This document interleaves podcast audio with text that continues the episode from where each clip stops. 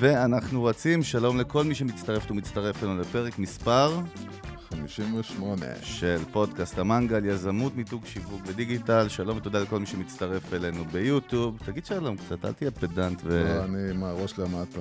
טוב, אה, אז אנחנו צוות המנגל, חגי גולדובסקי ויוסי פורקוש, והיום אנחנו מארחים, אה, לא כהרגלנו, אני כבר צריך להפסיק להגיד, זה כן כי- כהרגלנו, לא כהרגלנו. כן, אז אנחנו היום מארחים אה, חבר יקר, צחי רבל, מה קורה צחי? מצוין, בוקר טוב, בוקר שלום אור. לכולם. יכול להיות שעכשיו מי שומע את זה בלילה מטוס ניו יורק גם, אבל אה, סבבה. סליחה, אז שיהיה הכל טוב. מעולה. טוב. אה, כן, טוב, אז כמו שאנחנו נוהגים תמיד לעשות אה, בתחילת פרק שיש לנו אורח, זה באמת קצת ספר על מי האורח, אז יוסי, כן, אז הפעם אני. אעשה את זה, כי אני, אה, יצא לי לעבוד עם צחי אה, ולהכיר אותו, ויותר חשוב להכיר את הלקוחות שלו. ועוד פעם, אנחנו לא מוכרים פה, אנחנו באמת הזמן צריכים להגיד את זה מחדש, אנחנו לא מוכרים פה, אנחנו באמת, כל מה שאנחנו עושים זה רק לנסות להביא אנשים שמביאים. ערך. אה, אבל אה, מה שחשוב, אה, צחי הוא מה שנקרא, נופל תחת הטייטל המאוד, שנשמע מאוד משעמם, יועץ עסקי. אבל צריך להכיר את צחי בשביל לדעת את הכוחות שלו, וקודם כל הכוחות, הכוח העיקרי של, של צחי, שבגללו אני גם כל כך רציתי שהוא יהיה פה, זה שהוא לא- לא נותן עצות מתוך איזושהי תיאוריה, נכון? הוא בוגר לימודי... אה, משפטים, משפטים, כלכלה ועסקים, נכון? מאוניברסיטת לא, תל אביב. אני אה, תמיד. מעדיף לדייק. אז בוא כן. תדייק. יש כן, לי, אני כדאי. פולני, אז יש אה, לי משפטים, ניהול פרסום וניהול עסקי בינלאומי, עם סטאז' בהנהלת מרקס אנד ספנסר בלונדון, זה בחלק הפולני. וזה מאוניברסיטת תל אביב. שזה כן? סטמפה חשובה, מה לעשות? אה, אבל מה שיותר חשוב זה באמת הניסיון המעשי. זאת אומרת שצחי, אה, אחרי הלימודים שלו, אחד הדברים שהוא עשה זה לקחת באמת חברה שהייתה על סף אה, פשיטת רגל, אפשר להגיד. כן. מי החברה, צחי? נקראה PCC, זה ראשי תיבות של Powder Coating Composites. אה, והחברה מעל סף פשיטת רגל, בעצם צחי הביא אותה למצב שהיא נמכרה ל... סטף ורטהיימר. סטף ורטהיימר, ובמהלך ה-15 שנה פלוס, אה, צחי בעצם אה, מלווה אה, באמת חברות, מנהלים ועסקים, מחברות ענק, תאגידים, כן. נכון? עד ל... כן. ממש מחברות של מחזורים של מאות מיליונים ועד הבן אדם שיש לו עסק בבית. והגמישות הזאת וההכרה של, של אה, עסקים בכזה מגוון, ובאמת מהקטנים עד הגדולים, אה, מאפשרת אה, לנו לשוחח איתו ולקבל ממנו תשובות. על, אה, על שאלות שיש להרבה מאזינים שלנו, שמאזינים לנו החל מבאמת פרילנסרים, מנהלי שיווק של חברות הכי גדולות במשק, ועד לאנשים שיש להם בעצם סטארט-אפים. כן, co-founders, CEOs הרבה פעמים, כן. נכון. ואנחנו באמת ננסה, אתם יודעים, ה introduction שלנו משתדל להיות מאוד מהיר, רק בשביל אה, שיבינו אל מי, ממי אנחנו מדברים, שיהיה איזה framing לשיחה, ואנחנו באמת ננסה כמה שיותר מהר להיכנס לתכלס, והתכלס שלנו מגיע מהעובדה הפשוטה והעצובה, מהסטטיסטיקה העצובה יותר נכון, שכמות העסקים שנסגרים בישראל היא היום כבר בסביבות אסטרונומית. 46 אלף לשנה. וכשאנשים כמונו, שנפגשים עם עסקים כל הזמן, אה, אתה מתחיל לאט לאט להבין למה זה קורה. זאת אומרת, הסטטיסטיקה הזאת יש לה סיבות. אה, נכון שלא הכל מדעי, אבל בסופו של דבר יש סיבות. ואנחנו- יש make sense בסופו של דבר. אנחנו אה, ננסה אה, גם לגעת בסיבות האלה וגם אה, להבין איך אתם יכולים לצמצם את הסיכוי שלכם להיות בסטטיסטיקה הזאת. אז זהו, אני ארים את הכדור לוולה הראשון לשריקת הפתיחה. בואו נראה. כן, ברור. אה, ואני רוצה לשאול אותך דווקא, של, בגלל שאתה מתעסק בכזה סקופ רחב של סוגי עסקים, זאת אומרת, באמת, תאגיד, אתה יודע, זה אפשר לומר ה top מבחינת volume של עסק, corporation, מה שאנחנו קוראים, ויש עסק קטן של מיליון סוגים. מה אה, הדבר שבעצם משותף בעצם לכל ה scope הזה מבחינת. ה- הבעיה, כי אני אגיד לך מה קורה, הרבה פעמים כשאנחנו אומרים את המילה פרטנר, או... אז מישהו שבדרך כלל יש לו עסק קטן אומר, טוב, עזוב, זה פרטנר, זה חברה גדולה, זה לא קשור להתנהלות שלי ולבעיות שיש לי בעסק שלי, איפה הם ואיפה אני. אז אני דווקא רוצה שנתחיל ממה משותף לכולם, או בבעיה, או בהצלחה, או במה שאתה יודע, נקודה שאתה חווה אותה. אה, אני אענה על השאלה דרך שלוש נקודות, ולא סתם. אה, אה, קודם כל, אם אני צריך להגדיר את האני מאמין שלי, או את המהות העסקית של מה שאני עושה, mm-hmm. יש פתגם מאוד יפה שאומר שעסק אף פעם לא יכול לגדול מעבר למידה הפנימית של הבעלים או המנהלים שלו. Okay. אוקיי. וזה כל הסוד. אי אפשר רק לעשות דברים חיצוניים כמו שיווק ומכירות ופרסום וכולי. יש משהו שהוא גם פנימי וגם חיצוני, ותמיד, גם חברת ענק, תהיה איזשהו שרשור של התכונות של הבעלים או המנהלים. מעניין. ולכן, מה משותף זה שכולם עסקים. גם עסק של בן אדם אחד וגם חברת ענק של מאות אלפי עובדים, בסוף יש אנשים שעושים את העבודה, mm-hmm. והשינוי מתחיל ונגמר באנשים, ו- ו- ו- ואני אוסיף משהו לגבי הבעיה. Mm-hmm. יצא לי לאורך החיים העסקיים שלי לראות את כל סוגי העסקים.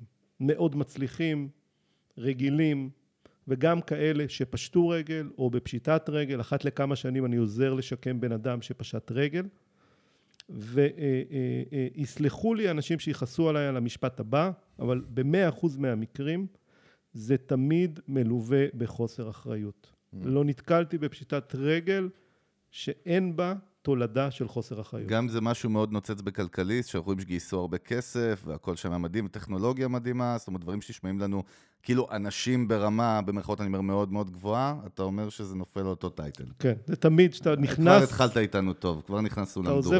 אתה עוזב את הכותרות mm-hmm. ויורד לפרטים, ונכנס mm-hmm. לביוגרפיות ומסתכל על זה, אז אתה, אין, אין הוקוס פוקוס. מה מעניין אותי, כאילו, בוא תגדיר... בוא נפרט את החוסר האחריות הזה. מה זה נגיד חוסר אחריות מבחינתך? דברים שראית, אתה יכול גם לתת דוגמאות בלי לציין חברות, זה גם יכול להיות מעניין. אה, אה, חוסר אחריות מאוד מאוד נפוץ, זה שאנשים לא מחוברים למספרים. Mm. לא מחוברים לא ל, לרווח והפסד ולא לתזרים, שזה שני דברים שונים שבעל עסק חייב להבין ולהכיר אותם. זה תמיד המפתח. Uh, uh, הדבר השני זה הסתמכות על יותר מדי אנשים חיצוניים, זאת אומרת ההסתמכות היא יותר מדי, רואה חשבון שלי יודע, אני לא צריך לדעת, mm, היועץ שלי יודע. Uh, uh, והדבר השלישי זה עיניים גדולות מדי, טמאות, כמו שקוראים בלשון העם, או תיאבון גדול mm. מדי. כי uh, כמו שאני לא יכול, אם נמלא עכשיו את כל השולחן הזה במטעמים, גם אני מאוד רוצה, אני לא יכול לאכול ולעכל הכל בו זמנית, וגם עסק לא יכול. אני לא יכול שלא להגיד, לשלוף בהקשר של מה שאמרת איזושהי דוגמה עדכנית. אוי ואבוי. אני יודע, אבל אני כן רוצה לשמוע את האינפוט של צחי, כי הסיפור של WeWork, עוד פעם כרגע, אני חושב פעם מאה שאנחנו מסכימים, אבל מהזווית של צחי כן מעניין אותי, כי אני חושב שזה קלאסי בעניין של חוסר אחריות של הבעלים, אבל מה האינפוט שלך על WeWork כדוגמה, או שהיא מספרת עצמה לבד, מה שנקרא? אה, אז אה, אה, לפני כמה שבועות, הבן שלי, הוא בן 13, אוקיי. אז הוא תופס אותי בערב, היה חדשות בדיוק, והוא אומר לי, אבא, תגיד, מי זה האדם נוימן הזה שכולם מדברים עליו? ובדיוק יומיים לפני זה צילמתי סרטון וידאו, אני כל יום מעלה סרטון mm-hmm. קצר עם תובנות על אדם נוימן, למה אנחנו נהנים לשנוא אותו. Mm-hmm. ואמרתי לבן שלי, שבוא נפריד בין שני דברים. הסברתי לו בשפה פשוטה מי זה אדם נוימן, אבל אמרתי לו, תשמע, הוא איש חזון אמיתי. שלומדים את הדרך של WeWork, מאיפה התחילה ולמה, הוא איש חזון פנומנלי.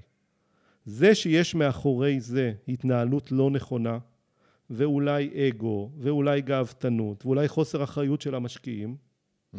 כי בסופו של דבר הוא לא אילץ אף אחד להשקיע בו. ואז צריך להפריד בין הדברים, כי לזכותו ייאמר ש-WeWork היא חברת חזון, היא שינתה את העולם, שינתה את הדרך שבה כולנו עובדים, היא עזרה להמון סטארט-אפים בעצם, התפיסה, אני חושב שיש לה תפיסה גאונית, שעוד כמה שנים יבינו את החזון של אדם נוימן.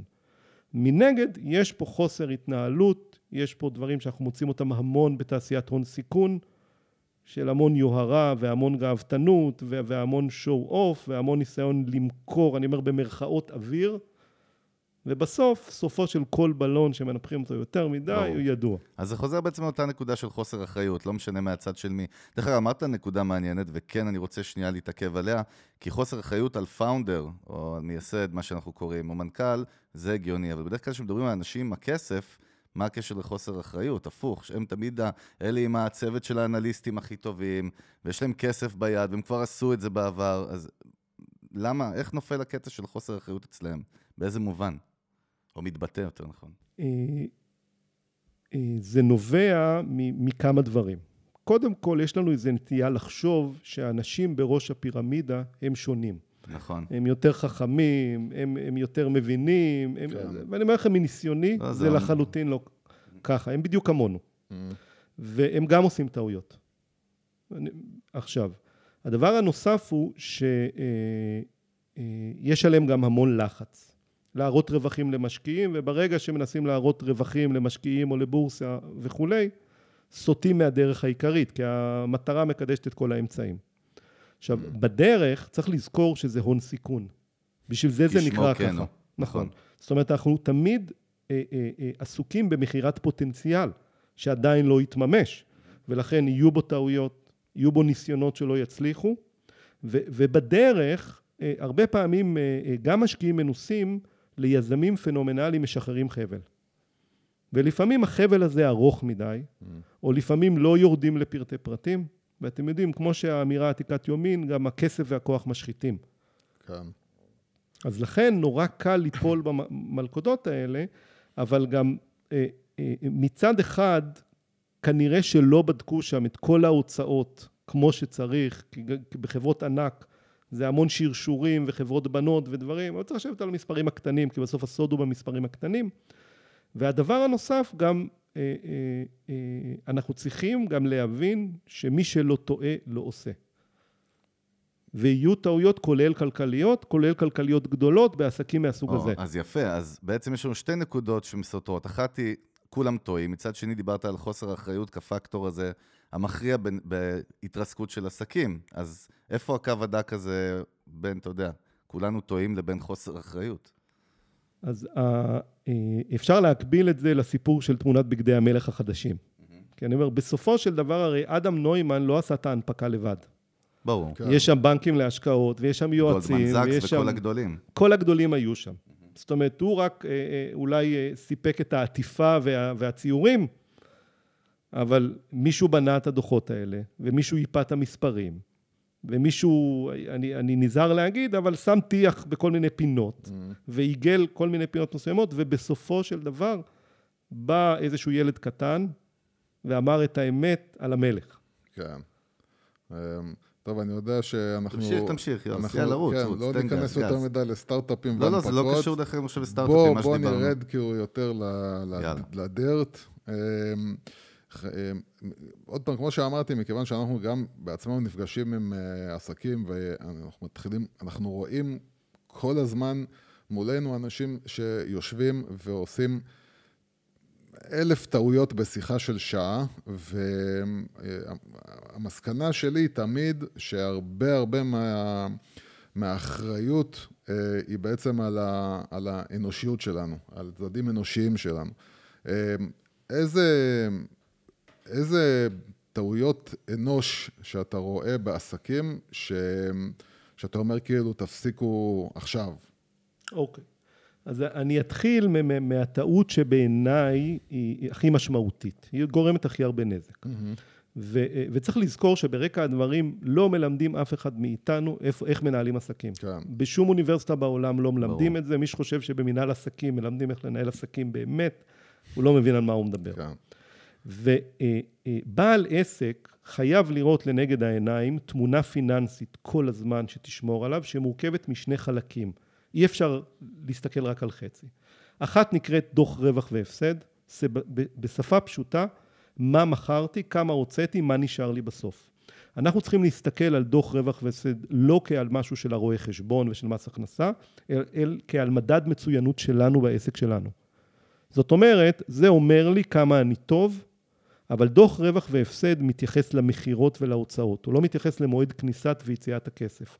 זה מביא אותנו לחלק השני של התמונה, שזה תזרים מזומנים. הכניסת ויציאת הכסף ללא קשר למועד ייצורו. ובעל עסק חייב כל הזמן לראות גם את הדוח רווח והפסד שמדד מצוינות תפעולית, האם אני טוב במה שאני עושה, כי אם אני מרוויח אני טוב, אם אני לא מרוויח אני עושה משהו לא נכון וצריך לתקן, ומצד שני, מה שיגיד כמה חמצן יש לנו זה דוח תזרים. ורק בעל עסק שרואה כל הזמן לנגד העיניים את הדברים האלה, יכול לנהל עסק תמיד ולהינצל מכל הבעיות, ואני אוסיף רק אמירה אחת על משהו שהוא, אני ארחיב טיפה, כי אנשים לא מבינים את המשמעות האמיתית של תזרים. כן. אה, תדמיינו תזרים כעל גל. שאומרים שיש כלל עתיק יומין של יועצים עסקיים, שאומר שכגובה הגל למעלה, ככה גם תהיה השקיעה למטה. כי זה, זה, זה סוג של, אה, לא יודע איך קוראים לזה בשפה מקצועית, כמו אקו כזה. כן. והוצאות אה, דלק אני משלם היום, ושכר עובדים משלם בסוף החודש, ולקוחות משלמים לי שוטף פלוס 90, והמוח לא יכול לעקוב אחרי זה. תוכנה יכולה לעקוב אחרי זה. ואם המכירות שלי גדלו פתאום, זה אומר שמתישהו לאורך הדרך, הלמטה, החלק התחתון של הגל גם יפגע כן. למטה. זה נקרא הון חוזר. כמה כסף אני צריך בשביל לייצר את המכירה הבאה. והדבר הנוסף הוא שעל כל גידול במכירות יש תמיד גידול בהוצאות. תמיד. Mm. והגידול בהוצאות תמיד יגיע, תמיד יגיע לפני הכסף של המכירה. ולכן אנשים לא מבינים את זה שהם עשו פעולה והגל יכה בהם בעוד שלושה חודשים, ארבעה חודשים, חצי שנה. ואם אני לא אשתמש באיזשהו כלי עזר חיצוני שיראה לי את הגל הזה מגיע, ואז יש לי שלושה חודשים להתמודד עם הבעיה, אין לי שום יכולת להתמודד עם זה. אז מה זה אותו כלי עזר? אני, אני חשבתי שהרואה חשבון, רוב האנשים חושבים שהרואה חשבון הוא אותו כלי עזר ראשון. הוא זה שבא ויושב על המספרים, הוא האיש מספרים, והוא אמור להתריע ולעדכן אותי כל הזמן במספרים. זאת אומרת, למה דווקא בעל עסק חייב להיות מונח בצורה כל כך עמוקה, כמו שאתה אומר? אה, אה, מכמה סיבות. א', רואה חשבון לא רואה את התזרים. רואה חשבון רואה רווח והפסד. אוקיי. עכשיו, הוא גם לא רואה עיכובים בתשלומים וסיפורים של לקוחות, והנחות שעשינו ואלה ואחד דברים שאנחנו עושים בדרך, שמייצרים את הבעיות. אם יש מנהל כספים בארגון, היא כן כן. רואה את זה. עכשיו, אה, אה, אה, אני יכול להרחיב בכמה דוגמאות. אתם יודעים, לפני כמה שנים, בהתקשר לבן אדם שאני לא מכיר, אני חושב שזה היה יום חמישי אחרי הצהריים, הוא אומר, המליצו אליך, אתה חייב לבוא אליי SOS. אני אומר לו, תשמע, אני לא יכול לבוא אליך SOS. בן אדם מתחנן. לקחתי את האוטו ונסעתי. עכשיו, למה נסעתי? כי הוא אמר לי, תשמע, יש לי עסק מאוד מאוד גדול, דור שני, ואין לי כסף לשלם ביום ראשון משכורות לכל, אני חושב שהיו שם איזה 70 עובדים. עכשיו, אני מגיע למקום, ואתם יודעים, אני בהלם. יש שם חמ"ל של מנהלות חשבונות. אני לא צוחק, היה שם עשרות מסכים עם עשרות תוכנות, עסק מסודר, מתוקתק ומדוגם, עם מערכת ניהול כספים של סאפ, דור שני, איזשהו יבואן של ציוד ימי או דברים כאלה. בן אדם יושב איתי ואומר לי, אין לי לשלם, כסף לשלם משכורות ביום ראשון לעובדים. אני מסתכל על כל הפקידות האלה, ואומר, אה, אה, אה, אה, תראה לי את ה, איך אתה מנהל תזרים. ואז הוא אומר, בסאפ יש מודול שמנהל תזרים. עכשיו, זה לא באמת, זה נקרא בשפה המקצועית ניהול תזרים, אבל בשפה האנושית זה לא ניהול תזרים. כי זה מציג רשימה אינסופית של כניסות יציאות כסף, שהמוח לא יכול לעכל את הרשימה הזאת. אם התוכנה הייתה יודעת להציג את זה בגרף, מהמם. שמראה לי מתי הבעיה תופיע כתמונה, אני יכול להתמודד עם זה. זאת אומרת שיש מעט מאוד תוכנות בשוק שיודעות להציג את הגרף הזה בצורה נכונה. זה סוג של גרף חיזוי, אתה מתכוון, כן, נכון? הוא, כי- הוא, כי הוא זה גרף בגלל ש- אמיתי. בגלל שזה איך שהמוח שלנו עובד, המוח שלנו לא יכול לראות את הרשימות, נכון. הוא יכול לראות... אה, מוזר לי שאין עוד איזה. סטארט-אפ ישראלי שלא פיתח איזה משהו, אתה יודע, כאילו אין משהו. אני אגיד, אין אני? אני אגיד לכם למה. יש כל מיני כאלה שעושים את זה בצורה טובה. העניין הוא שמי שבדרך כלל אה, אה, עומד מאחורי הדברים האלה אנשי פיננסים, והם לא רואים את העולם דרך עיניים של בעל עסק זה רגיל. משהו שיוסי אומר הרבה פעמים, זה נכון. עכשיו, אני, אני- רגע אפשט כדי להיות פרקטי. אה, יש עסקים שבהם יש מנהלת חשבונות שפשוט יושבת כל הזמן על הכסף שנכנס וכסף שיוצא, ו, אה, אה, אה, וככה היא מנהלת את זה. יש עסקים שמחזיקים תוכנת תזרים, שבעצם מציגה להם בכל רגע נתון מה המצב בבנק, מה הולך Mhm. להיכנס, מה הולך לצאת. אני את- אתן גם פתרון לכאלה שאין להם כלום. פשוט תקנו יומן פשוט, מהמם. ובכל יום שיש הוצאה, כולל הוצאה עתידית, תפתחו את היומן ותגידו, נתתי לספק צ'ק ל-30 בדצמבר, אני ארשום ביומן שב-30 בדצמבר צריך לרד לי, לרד לי ככה לא, וככה. מספיק שכמה נתונים אתה החסרת, הפסדת את כל התרחיש האמיתי שיקרה בעצם, נכון? נכון, אבל אסור להחסיר נתונים. בגלל זה גם שאנשים אומרים לי, אנחנו מנהלים אה, תזרים ב Excel, אני אומר, אני כאיש מקצוע לא ממליץ על זה. Excel הוא לא תוכנת database, טעית במקום אחד, אתה לא תמצא את זה בחיים, מהמם. משהו יקרה, זה לא שווה שום דבר, תוכנות תזרים הן לא יקרות.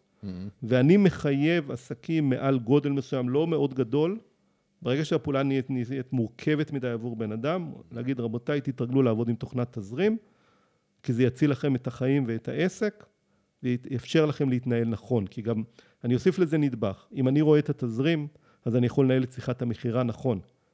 כי אני יודע לכמה לפרוס או לכמה לא לפרוס, ואם כן להתווכח על ההנחה או לא להתווכח על ההנחה, שבלי אותו דף שמציג לי תמונה או נתונים, אני חי מהדמיון, והדמיון תמיד מטעה אותנו לרעה, או מייצר, תמונה אופטימית כן. מדי. אני גם רוצה להוסיף בסוגריים, שרוב בעלי עסקים יזמים בדרך כלל, נכון? זה אנשים שיוזמים, יש להם איזשהו חזון, והם לא אוהבים מספרים, כולל אני. זאת אומרת, יש קטע, זה, מספרים זה האנטיתזה של, ה, של ה vision, של ההתרחבות, של ה... אתה, אתה בטח רואה את זה גם כל הזמן, אני מבין. אז בעצם, עוד פעם, שוב שאלה, לא כל אחד יכול להתמודד עם המספרים, אבל יכול להיות שהוא איש חזון מדהים, והוא pusher מדהים. מה אתה מציע למישהו כזה? כי צחי בינינו, עכשיו אמיתי ואתה יודע, וזו הסיבה דרך אגב שיש לך כל כך הרבה עבודה, בגלל שרוב האנשים, כמו שאנחנו גם הרבה פעמים בפודקאסט, הם לא באמת ילכו ויעשו את זה אחרי. שאלה אם יש איזושהי אלטרנטיבה, או שאתה אומר, חבר'ה, לא, מי שלא שולט בזה, הוא בבעיה רצינית. כל תשובה תתקבל בברכה, כן, כמובן. כן, דווקא יש לי תשובה נורא פשוטה, כי אני בא ממקום שלא היה לי קל עם מספרים. אוקיי. זאת אומרת, את הבגרות, שלוש יחידות שהצלחתי בה, בזכות מורה יקרה, נדמה לי שקראו לה חדווה, שנלחמה עליי. בוא נרים לחדווה. לגמרי, מגיע לה, בזכותה. ולמדתי פעמיים מבוא לחשבונאות באוניברסיטה, אף פעם זה לא התאזן לי, ולא הבנתי איך זה מתאזן. Mm-hmm. בגלל שאני בא מהעולם הזה והיה לי קשה, הרבה יותר קל לי להסביר לאנשים שמתקשים את המספרים האלה, והמספרים האלה בסופו של דבר נורא פשוטים. פשוטים. עכשיו, זה שלקחנו, אה, אה, אני אגיד בהכללה גסה ומסוכנת, תסלחו לי, אה, רואה חשבון, הוראת חשבון, מנהל חשבונות, שאין לו סבלנות אלינו וגורם לנו להרגיש אידיוטים, זה בסך הכל טעות שלנו בבחירת ספקים. Okay. כי אוקיי. יש אנשי מקצוע שישבו איתנו ביד, ויד, יד ביד ויסבירו לנו את הדוחות, ו- והדוחות האלה הם נורא פשוטים. אנחנו פשוט מפחדים להיכנס אליהם, ואף אחד לא הסביר לנו בצורה פשוטה, הם לא מסובכים ולא... ש... זהו, אני לא, חושב שה... אני חושב שאנחנו מפחדים שזה במינוס, הפ... לא שזה בפלוס. לא, אנחנו מפחדים, כאילו, אני חושב שפה אנחנו, בגלל שאני אוהב מאוד להתחבר לפסיכולוגיה. אה, אמרתי בדיוק הפוך, אמרתי פרקטיקה. לא, זה לא הפוך, אבל כן. לפסיכולוגיה, כי, כי היא, היא אחת, היא, זה אחד מאבני נגף של אנשים, זה, זה בעיות פסיכולוגיות, זה לא... אז, אז כשאתה מדבר כאילו על דברים כאלה, אתה יודע, אז, אז אתה גם תראה, אני, אני בטוח גם, אתה יודע, שיש אנשים שמקשיבים לפודקאסט, וישר עושים כאילו נקסט, אה, יאללה, 30 שניות קדימה, 30 שניות קדימה, מה מבלבל את המוח? ואנשים נורא נורא מזניחים דברים שהם כאילו לא סקסיים, אבל הם, הם בסופו של דבר יגמרו לך את, את העסק, הם, הם, הם יהרסו אותך. תראו, בואו נלך דווקא לפשטות. אחד, זה לא מסובך, ואני לא סתם אומר את זה.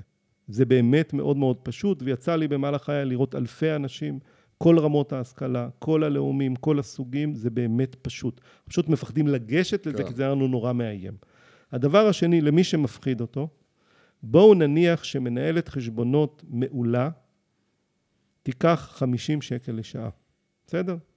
אז בואו נשקיע 150 שקל בשבוע, ונביא אלינו למשרד מנהלת חשבונות מעולה, שתשב איתנו שלוש שעות בשבוע ותסביר לנו את כל המספרים ותראה לנו את הכל.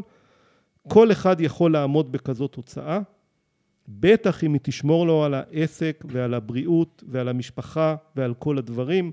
זה לא כסף גדול, ולכל דבר יש פתרון של איש מקצוע שבכסף יחסית קטן יעשה עבורי את אותה נקודה שאני נורא מפחד ממנה. צריך רק פשוט לפתוח את הראש ואת העיניים ולא להיות כמו בת יענה ולטמון את הראש בחול, אלא להגיד, אני רוצה למצוא איזה פתרון שמתאים לי, תמיד יש פתרונות. אז זהו, אז אני אה, אה, רוצה להתחבר, למרות שמתעוררות לי כן, גם לי עשר שאלות תוך כדי זה שאתה מדבר, אבל אני מנסה, כאילו שהזמן קצר, אז אני מנסה להתעסק עם השאלות הגדולות, זה מה, אתה יודע, מה, מה, מה אתה אומר, ל... מה אתה מייעץ לאנשים, מה הנקודות שעליהם הם צריכים לשים לב, ופה זה פצצת אטום, כאילו זה נושא מאוד רחב, אבל אנחנו מנסים לעשות את זה בקצרה. הדברים שאנשים צריכים לשים לב אליהם, וזה לא רק הדוחות, כדי לא להגיע למצב שהעסק שלהם פשוט מתמוטט יום אחד.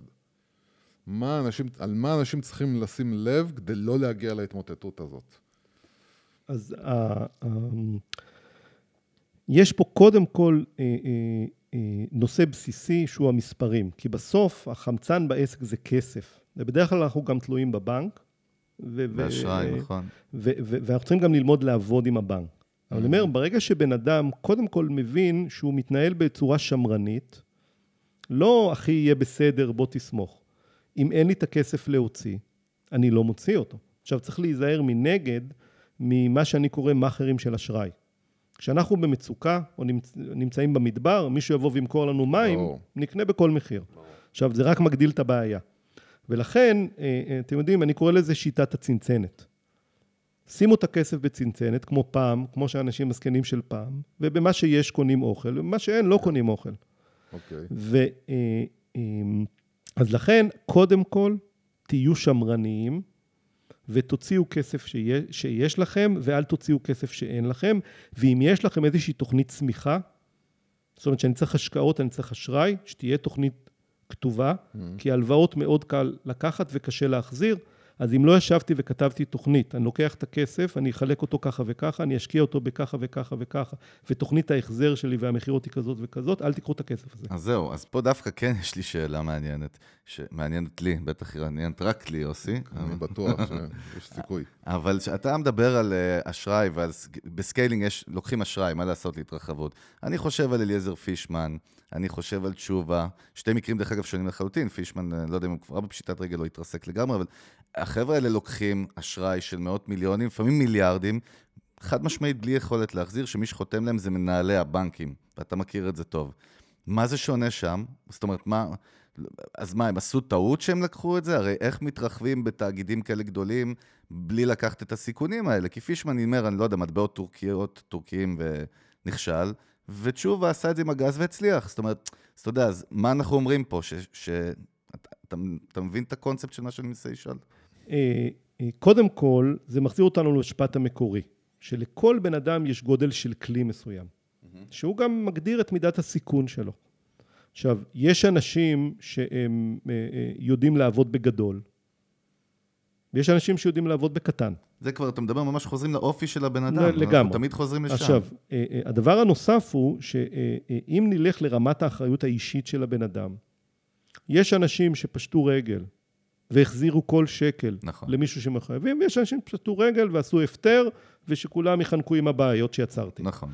זה, זה, זה קשור כבר למוסר, לערכיות ולכולי, ו, ו, ו, ואני גם אה, מאמין בלהיות עם שתי רגליים על הקרקע. זאת אומרת, גם בצמיחה יש כלל שנקרא stretching.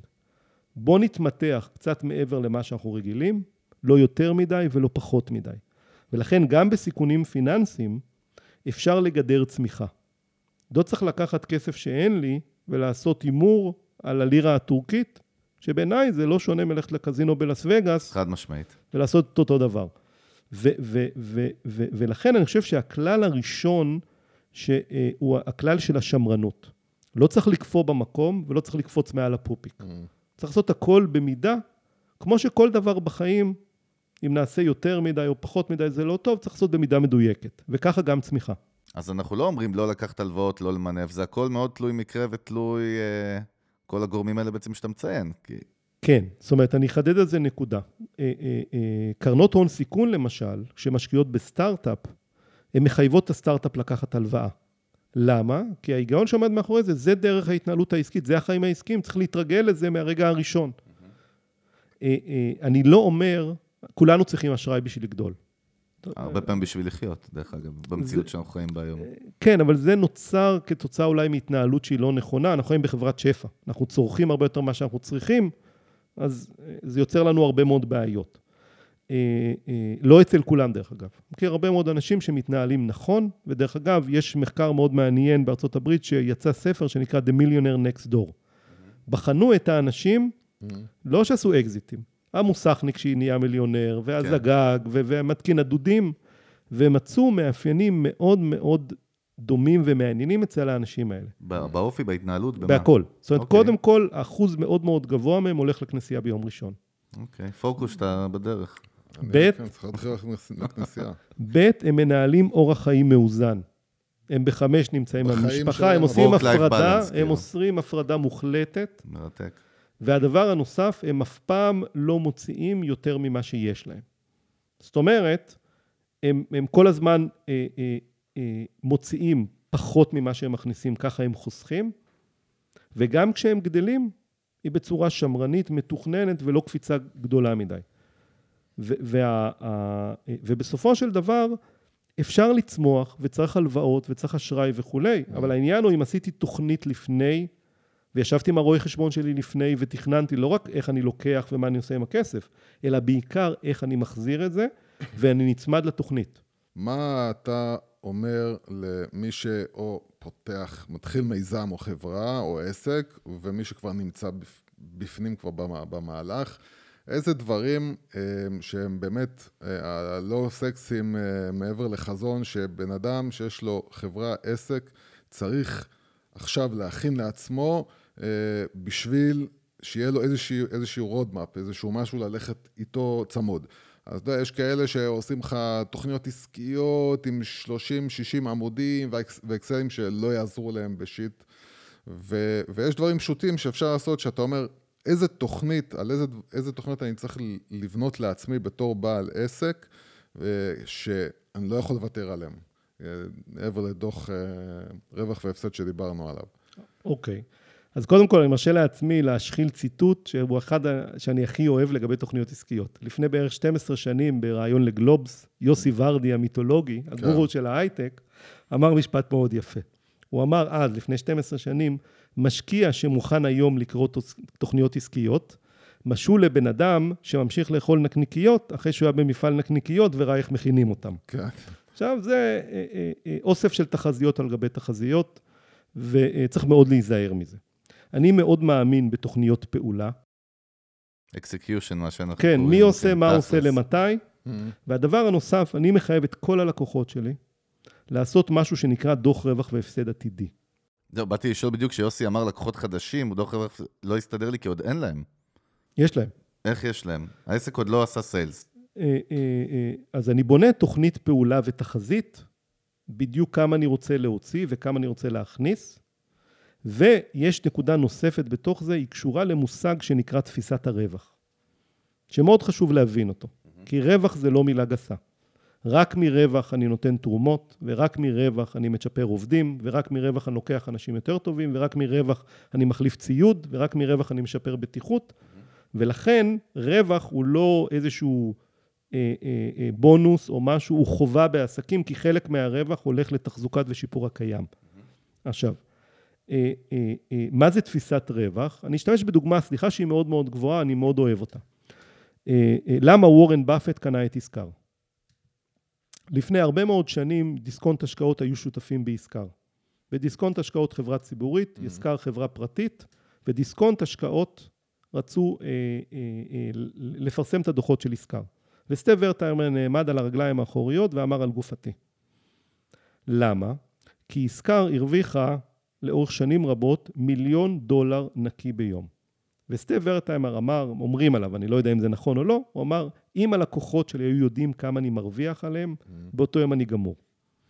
עכשיו, וורן באפט קנה את ישקר כי היא מכונת מזומנים, מצ...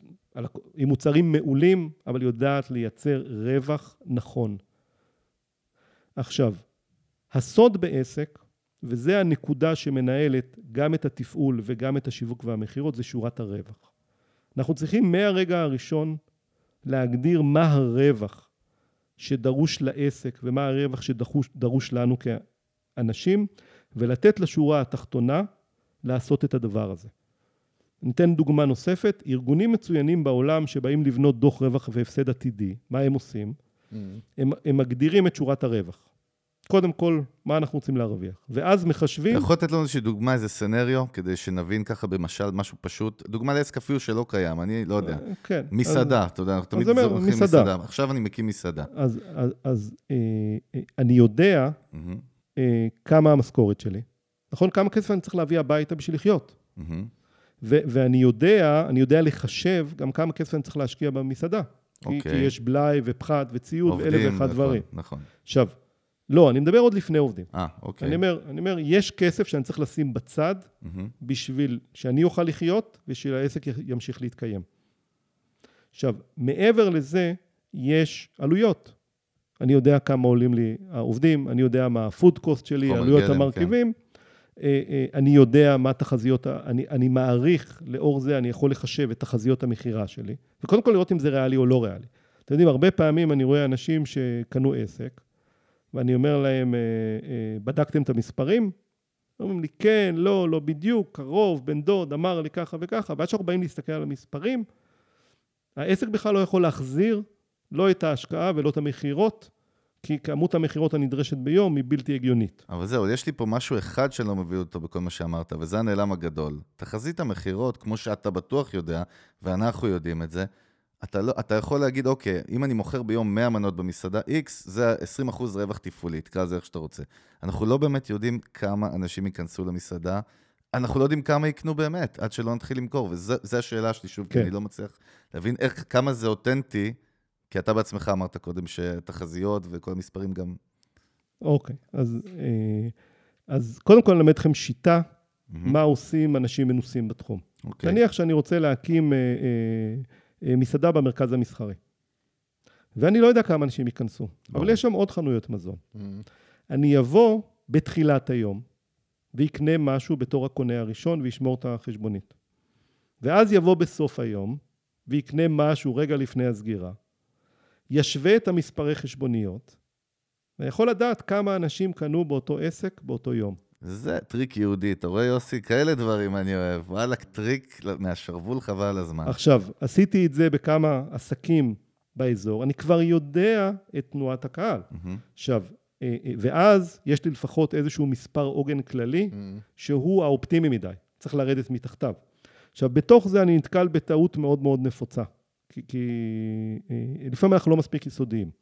אתה יודע, לפעמים אנחנו מחשבים אה, אה, אה, כמה אנחנו צריכים ולא מבינים שאין לנו מספיק שולחנות. שגם אם כולם ייכנסו, כן. החישוב, המתמטיקה לא נכונה. אנחנו, גם אם אנחנו לא נספיק להחליף את השולחנות אה, Mm. בשביל לייצר את הכסף הזה. אתם יודעים, אני אספר על זה עוד אנקדוטה. בעברי הייתי מנהל השיווק של בזק זהב, אחת מחברות הבנות של בזק, וישבתי עוד, אני במיתולוגי, בדיונים הראשונים על הכנסת ADSL לישראל. אתם זוכרים, וואו, היו מודימים כן, מצפצפים כאלה. ואז היה איזשהו דיון על תחזית המכירות. ומלא אנשים חשובים, אה, תוכניות עסקיות וכולי. כן.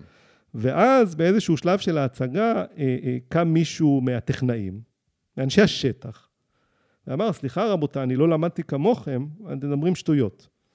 כי להתקין מודם לוקח כך וכך שעות, יש לנו כך וכך טכ- טכנאים, ולכן אין שום אפשרות שפיזית אפשר כן. להתקין את הכמות הזאת בפועל.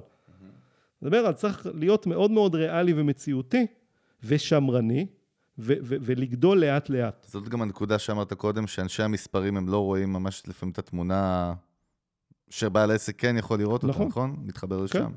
עכשיו גם, אה, אה, אל תיכנסו לעסק שאתם לא מבינים בו. כל עסק הוא עולם אה, מומחיות בפני עצמו. אתם יודעים, יש לי לקוחות שהם יבואנים מאוד גדולים של צבע לרכב. אתה יודע, ואני, שהתחלתי לעבוד איתם לפני כמה שנים, אמרתי, וואלה, כולה צבע לרכב.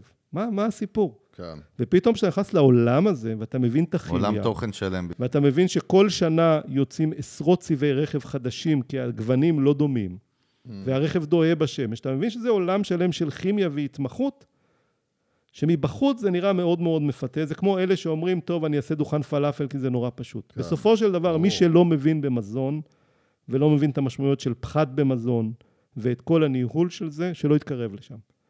בסופו של דבר, אחד הדברים הכי חשובים בעסקים, זה שתבין את התחום העסקי שלך. know your shit, כמו שאנחנו אומרים. נכון. ואם לא, תלך לעבוד שכיר שנה אצל מישהו בתחום, ותכיר את הדברים מל... מבפנים. אנחנו, היה לנו גם פרק, המיזם, הסטארט-אפ, סטארט-אפ, חברה הראשונה שיוסי ואני הקמנו, פיתוח תוכנה בחו"ל, שהתגלגלנו אליה, לא הבנו בזה כלום, והיינו בטוחים בגאוותנו ש... זה, זה, משם, זה משם, ממש- משם משם- הבאתי את המסקנה של באמת אה, לא לעשות, לא לעשות משהו רק בשביל הכסף, כי אתה רואה את הכסף שאתה חושב שאפשר לעשות שם, אבל אתה לא מבין בזה כלום, זה לא קשור אליך. אל תעשה משהו שאתה לא קשור אליו. רגע, באמת. מצד שני, אני כן אשאל אותך שאלה. בארצות הברית מאוד מקובל, דרך אגב, עכשיו עם WeWork, שהם רוצים להביא את המנכ"ל של T-Mobile, זו חברת תקשורת בכלל מסורתית, הרבה פעמים מביאים CEOs מחברה אחת לתעשייה שונה לגמרי. האם ברמת ה-CEO, מנכ"ל של חברה, אנחנו רואים את התהפוכות האלה, אנחנו רואים את זה גם בארץ עם מנהלי שיווק, גם אצל מנכ"לים, יוס, שלוקחים אותו עכשיו מלנהל את תנובה ללנהל את אה, בזק, כמו שאתה אומר סתם. אז האם שם הוא גם חייב לדעת הרמה הזאת, או שמספיק שהוא ידע את מה שהוא יודע בתור מנכ"ל? אה, אני אגיד את התפיסת עולם האישית שלי, שהיא. תקומם חלק מהאנשים. מצוין, אנחנו אוהבים. אה, אה, זה שבן אדם ניהל משהו, זה לא אומר שהוא יודע לנהל. או, עכשיו, קודם כל, ניהול זה מקצוע, זה טאלנט, ואנחנו רואים שיש מנהלים סדרתיים. נכון. איפה שהם נכנסים הם מצליחים. אחד הדברים הנפוצים לצערי מאוד בישראל, כי אנחנו חברה של קשרים. אתה לא מתקדם בזכות הכישורים שלך, אתה מתקדם בזכות הקשרים קשרים. שלך. ויש מנהלים שבאופן סדרתי, אתה מסתכל על התוצאות העסקיות של הארגונים שהם היו בהם. מהמם. זה איי חורבות, והבונוסים שלהם בדיוק הפוכים. מדהים.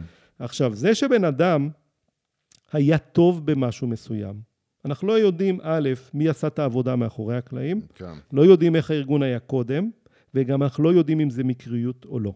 ולכן, זה שבן אדם בא עם טל, טייטל מסוים והרבה מאוד ניסיון, זה עדיין לא אומר שום דבר. ראית הרבה כאלה? אני שואל, מ- כאילו. יותר מדי, לצערי. וואלה. יש לך הגדרה, יש לך משהו, נגיד, אתה יודע, ב- צילמנו את, ה... את התוכנית, צילמנו לא מזמן את תוכנית אינטרנטית, שאני יודע שאתה שונא את הטייטל הזה, תוכנית אינטרנטית. כן, אתה אוהב מילים ישנות. כן, שישבנו מול... סדרת אה, רשת, יוסי, כן, סדרת רשת. סיטקום. ישבנו מול אה, אה, יזמים, והם פשוט זרקו לנו שאלות, ואנחנו ענינו להם. ו- דיברנו, כן. אחד, ה, אחד היזמויות, או אחד העסקים, אה, אה, עלה רעיון שכנראה שהם צריכים אה, מנכ"ל. הם כבר הגיעו למצב שהם כבר, שתי היזמיות לא יכולות להריץ את הדבר הזה, זה גדול מדי, הם צריכות מנכ"ל. ואז עולה השאלה, אוקיי, אז מה אני מחפשת במנכ"ל? זאת אומרת, איך אני יודעת שהגעתי לבן אדם הנכון? יש פרופיל. משהו שאתה יכול להגיד, אוקיי, הגעת, אתה יכול לדעת איך שהגעת לבן אדם הנכון? אה, כן, זאת אומרת, לא במאה אחוז, כי זה גם, ב- בסיטואציות כזאת של, אה, כמו שתיארתם, זה המון גם כימיה בין האנשים. נכון. זה, זה עניין של אופי. אבל אם באמת תיתן אה, guidelines לפרופיל כלשהו. ההגדרה האקדמית היחידה שהיא פרקטית, היא דווקא הגדרה של ניהול. וההגדרה של ניהול אומרת תכנון פעולה ווידוא שהיא מתבצעת. כי בעצם הפעלתי מנגנון קסמים, שאם וידאתי שזה מתבצע, אז מה שלא מתבצע, אני מפעיל תכנון מחדש, ואז יש לי איזה מין perpetuum mobile כזה ששומר על העסק. עכשיו, אה, אה, אחד, אה, כמו בכל דבר, צריך לדבר עם ממליצים שונים. של אותו בן אדם. כי מה שממליץ יספר לי, ואם אני אתן לו לדבר ולא ישאל יותר מדי שאלות, גם אם יש משהו רע זה יעלה. כן. אה, אה, אה, הדבר הנוסף זה צריך להבין את הכישרון של הבן אדם, כי יש אנשים שהם צנטרליסטים. בעיניי מנהלים מה זה טובים, אומר צנטרליסטים? הם עושים הכל? לבד. ריכוזיות. כן, הם, אני עכשיו, בעיניי מנהל טוב זה מנהל שהשולחן שלו פנוי. כי זה אומר שהוא הפעיל את כל האנשים שלו מצוין, והוא יכול לחשוב על העסק במקום להיות שקוע בבעיות של העסק. וצריך להגדיר מה אנחנו רוצים ומה אנחנו לא רוצים, אותם יזמיות, אותם בעלי עסקים שמחפשים מנכ"ל. לא לחפש מתחת לפנס. מה זה לחפש מתחת לפנס? אני ברשותכם מספר בדיחה. שוטר רואה בן אדם בדיזינגוף מחפש משהו באמצע הלילה ברחוב. הוא ניגש אליו ואומר לו, אדוני, יכול לעזור לך? בן אדם אומר לו, כן, איבדתי שקל בפרישמן. אז הוא אומר לו, אז מה אתה עושה פה? זה דיזינגוף. הוא אומר לו, כן, אבל פה יש אור. הרבה פעמים יש לנו נטייה טבעית לקחת כוכבים, או חבר המליץ לנו, לא.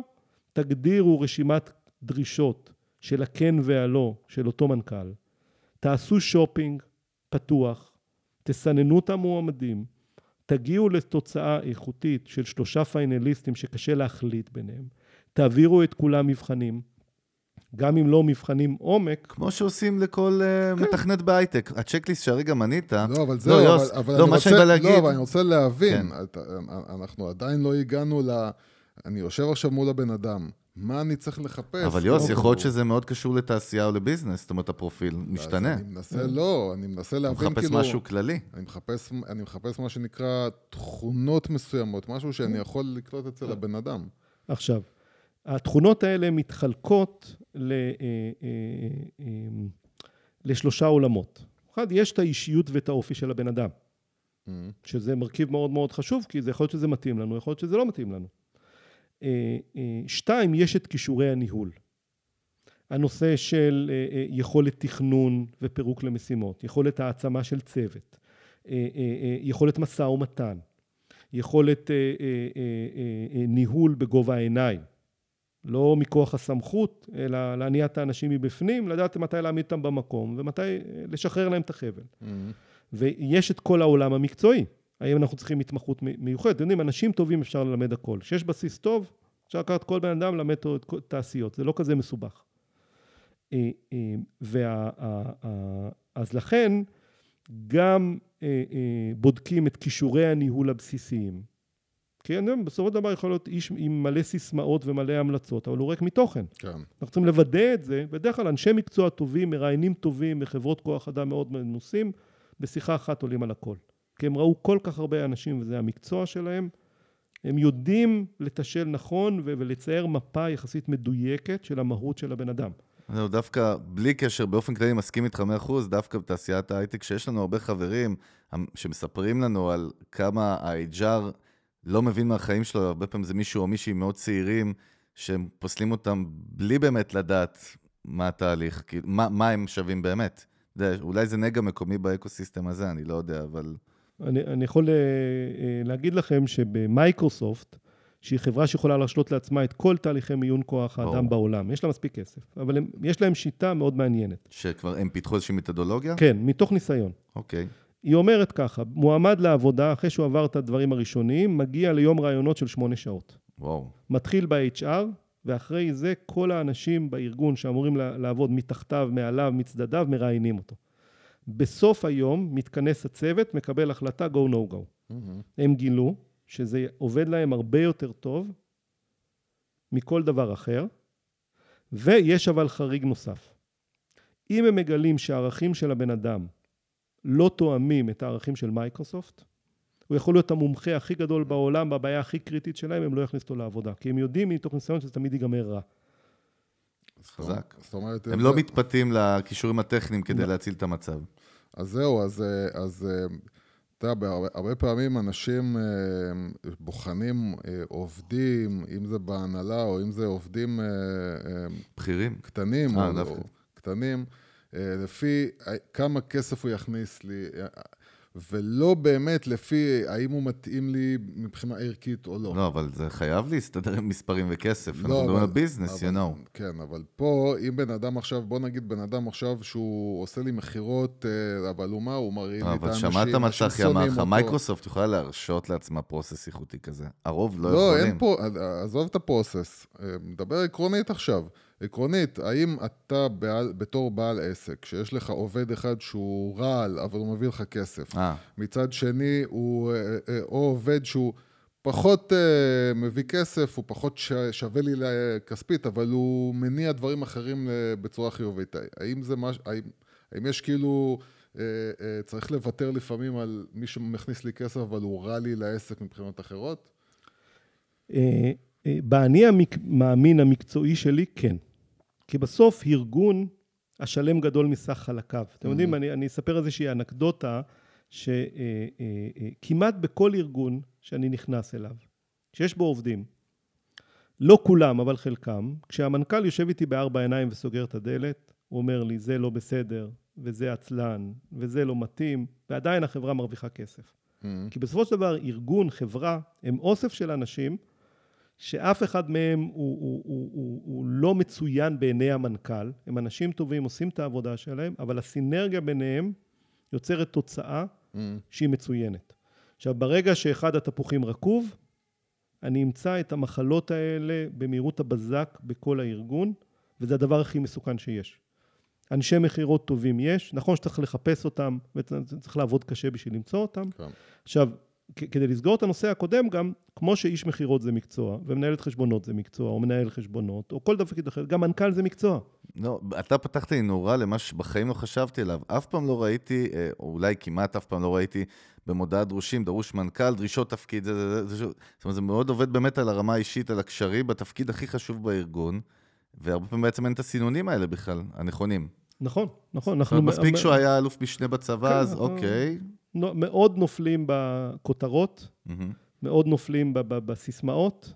עכשיו גם, אה, אה, אה, יסלחו לי, אני אומר, בצבא לא לומדים לנהל. זה איזושהי כי- מיסקונספציה אצל ישראלים. קונספט אצלנו, העתיקה היא לא נכונה. קצין בצבא, טייס אפילו, דרך אגב. זה, זה, זה, זה שטויות. אנשים איכותיים, אנשים מדהימים, זה לא אומר שהם מנהלים טובים. Mm. עכשיו, יש גם דבר נוסף, למה נגיד ארגון כמו הצבא הוא לא מתאים. כי כשאני מקים עסק, אה, בטח בעולם המודרני, התחרותי, המהיר הזה, אישיות ומנהיגות הם מיל- מילות מפתח. כשאני נמצא במערכת שהדרגות קובעות את הציות ואת ההיררכיה ואת המוטיבציה, אז אין לי יכולת לבחון באמת איך הבן אה, אדם יהיה ניפצת בסביבה. פה זה לא משהו מאוד מעניין. זה לא מנהיגות אמיתית. נכון, עכשיו יש בתוך זה אנשים שהם מנהיגים טבעיים עם כריזמה כן. מדהימה, אבל אני צריך לבחון, לא להגיד שבגלל שהם היו בצבא והם הצליחו וקיבלו צל"ש, או הצטיינו בקרב, הם יכולים להיות מנהלים טובים, אלא להעביר אותם מבחנים בשביל לראות האם יש להם את האישיות ואת הכריזמה הזאת, ו- ו- אבל אני, אני גם אסתור את זה, כי זה גם הרבה פעמים תלוי בן אדם.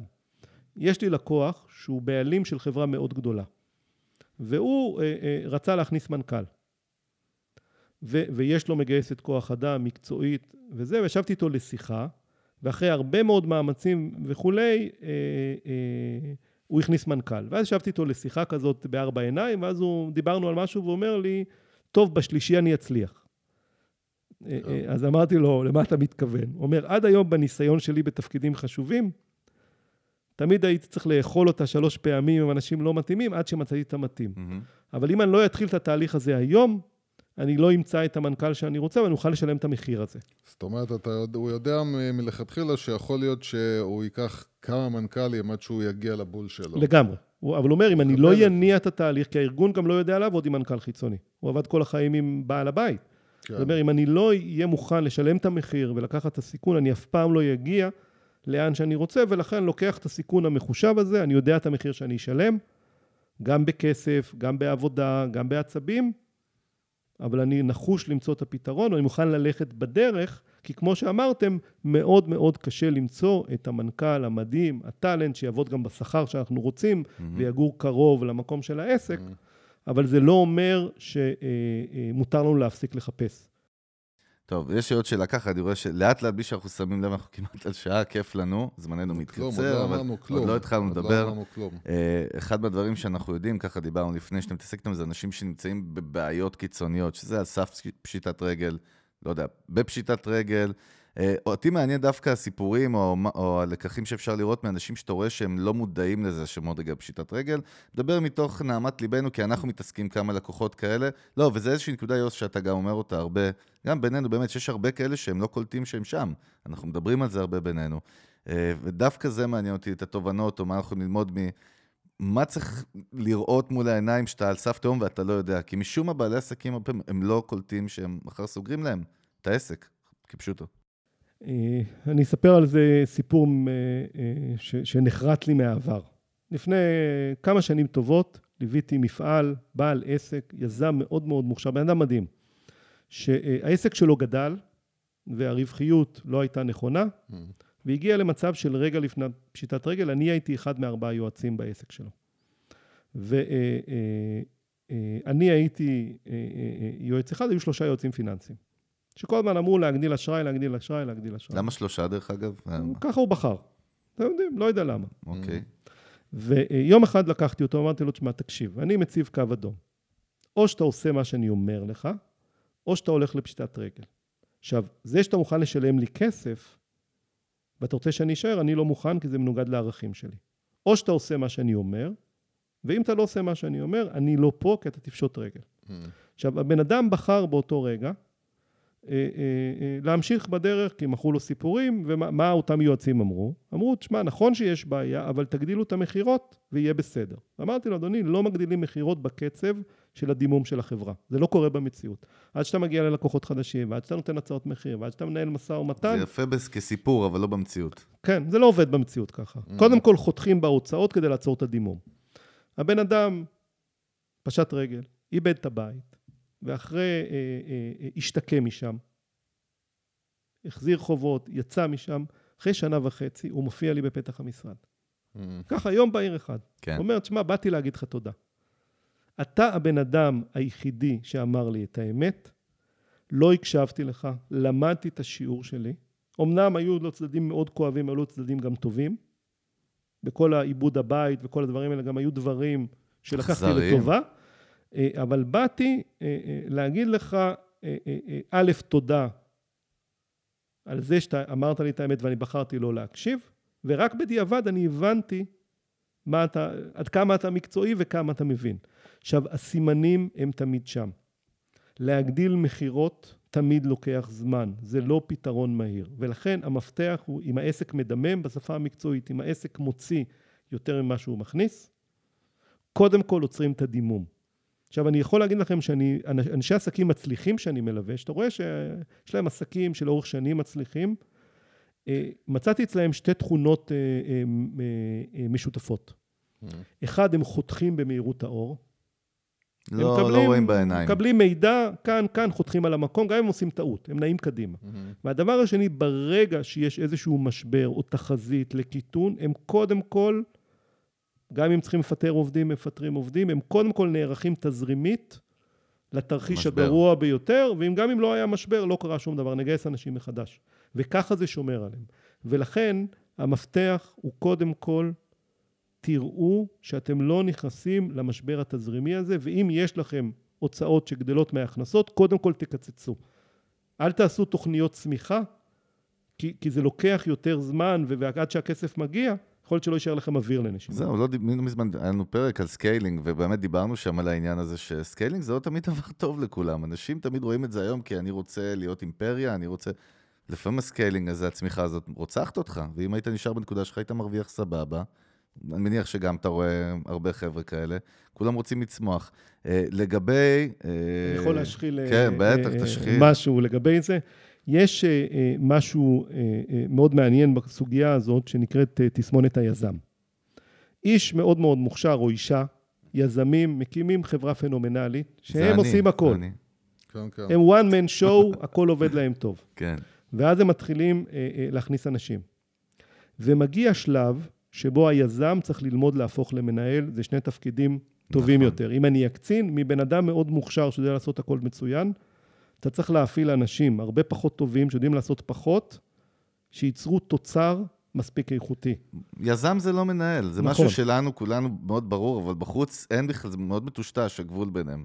אין ו- שום קשר בעצם. ו- ויזמים שלא עצרו רגע בשביל ללמוד איך להפוך להיות מנהלים, מגיעים למצב שבו קודם הייתי one man show, עבדתי שעות סבירות, הרווחתי מצוין, mm-hmm. עכשיו יש לי עסק עם עובדים, אני עובד לחצים. הרבה יותר שעות, יש לי כאבי ראש אחריות. ולחצים, ואני מרוויח הרבה פחות mm-hmm. כסף, ואני לא יכול לסגור את העסק, כי הסגירה תעלה לי הרבה יותר מההפעלה של העסק. הזוי. וזה מלכודת שבה היזמים לא עוצרים ומבינים שאו שאני הופך להיות מנהל, או שאני מביא מנהל, אבל המלכודת הזאת, שמבן אדם מאושר שהרוויח מצוין, אני הופך לעבד של העסק ולא יכול לסגור את העסק בגלל ההתחייבויות, היא לצערי מלכודת מאוד מאוד נפוצה ומאוד מאוד כואבת ומסוכנת ולא נעימה, כי בן אדם חי במלכודת.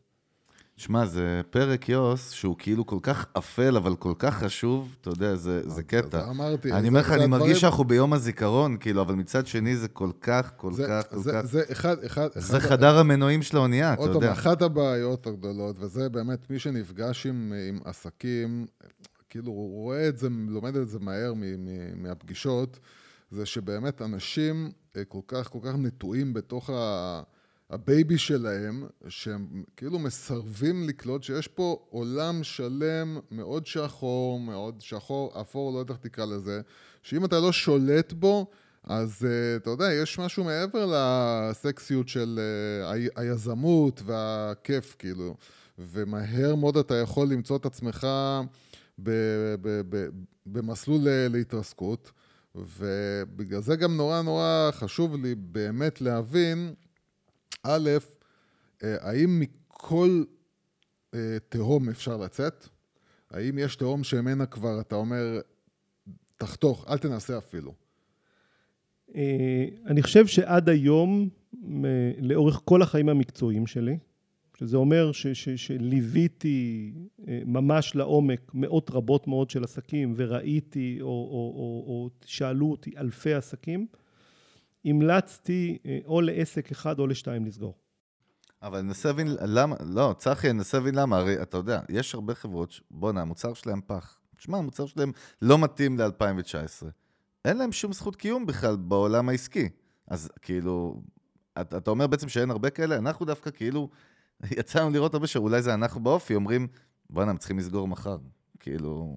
אז זהו, אני לא יודע להגיד לך אם... אה, אני לא, אני שואל. כל זה בגדר שאלה את צחי, אבל- אני רוצה את אבל האינפוט אני שלו. יכול להגיד כן, נגיד, אני רואה מול עיניי, אנחנו רואים מול עינינו עסק מסוים, נכון. שהוא נמצא בחוב, חוב גדול, שאין שם- להם, אין להם אה, מול העיניים איזה, הרי, הרי כשאתה נמצא בחוב גדול כזה ואתה כבר, אה, אתה רואה גם שהם מיצו, לא טוב. הם מיצו, הם מיצו את יכולות ההכנסה שלהם, זאת אומרת, המכירות שלהם לא הולכות וגדלות, אה, גדלות, אלא הן מתחילות לרדת ואין להם, אין להם, וזה הדבר הכי חשוב, אין להם איזושהי נקודה שאתה יכול להגיד, אוקיי, אם אני אעשה את המהלך הזה, אני מבין הגיונית שהוא יקפיץ אותי למציאות אחרת. זאת אומרת, בדיוק. אין להם את המהלך קסם הזה גם. אחד כזה שהוא נמצא, אני מדבר איתך בחוב גדול, ו- ועם במצב שהוא לא יודע עכשיו מה הוא עושה קדימה. אה, איך הוא בעצם, מה הוא יכול לעשות בשביל להציל את עצמו, אה, חוץ מלסגור, כביכול. אז שנייה לפני שאני אעלה, על השאלה הספציפית, כאילו שתי משפטים. קודם כל, אם נבדוק עובדתית, רוב החברות המצליחות בעולם הצליחו על מוצר אחר משלשמו הם קמו, אוקיי. בצורה סדרתית, כמעט כולם. זאת אומרת שבלי הנחישות... אבולוציה, וה- ו- ו- ו- ו- לא, לפעמים בתחום אחר לחלוטין. הפיבוטינג ממש. כן. מהמם. אני, אה, עכשיו, הדבר הנוסף הוא שיש טעות לאנשים לחשוב שאם אני יצירתי, אני אצליח. אנשים לא מצליחים בגלל שיש להם רעיונות טובים או מוצרים טובים. אוקיי. אנשים מצליחים בגלל שיש להם רק דבר אחד, והם הולכים איתו עד הסוף, והם צולחים את כל העליות והמורדות והמשברים, כי, כי הם חלק מהעניין.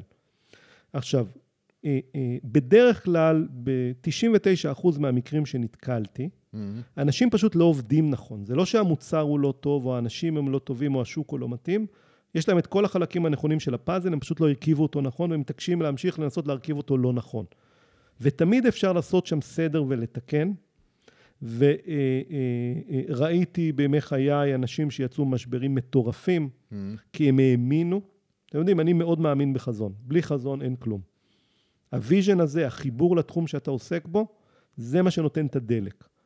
ולכן ברגע שבן אדם מחובר למה שהוא עושה, גם מבורות מאוד מאוד גדולים, ויש לו נחישות ואחריות, תמיד אפשר לצאת. לא, אבל זהו, אני אוסיף, הדוגמה שיוסי נתן זה מישהו אמיתי שאנחנו מכירים, מקרה, מה שלא הוספת, יוס, וזה חשוב שצריך ידע שאותו אדם לא רוצה לעשות את השינויים כואבים בבשר שהצעת. היה שם שינויים כואבים בבשר, והם לא רוצים לעשות אותם. זה הפיטורים, לצאת מהמשרדים, להצטמצם, הם לא רוצים לעשות את כל הדברים האלה. זאת הסיבה, אולי בגלל זה צחי צודק באמת שהם לא מוכנים להקריב. הרי זה שאמרת להציל מפשיטת רגל לא אומר שלא צריך לעשות קיצוצים אכזריים. חייבים. כן. קודם כל עוצרים את הדימום. זאת אומרת, אחד הדברים הבאמת הכי נפוצים, זה שטח משרדים גדול מדי. כי זו הוצאה חבל- קבועה, חבל על הזמן. ובדרך כלל אנחנו נעולים- בחוזים מאוד מאוד בעייתיים. שדרך אגב, פה WeWork זה אחלה פתרון. כן, נכון. כן. ו- ו- ו- ואני נתקל המון פעמים ב- ב- באנשים שלקחו שטח חנות, או שטח משרד, או שטח עסק, מתוך איזושהי אופטימיות לא נכונה, שהשכירות והארנונה זה מה שהורג להם את העסק.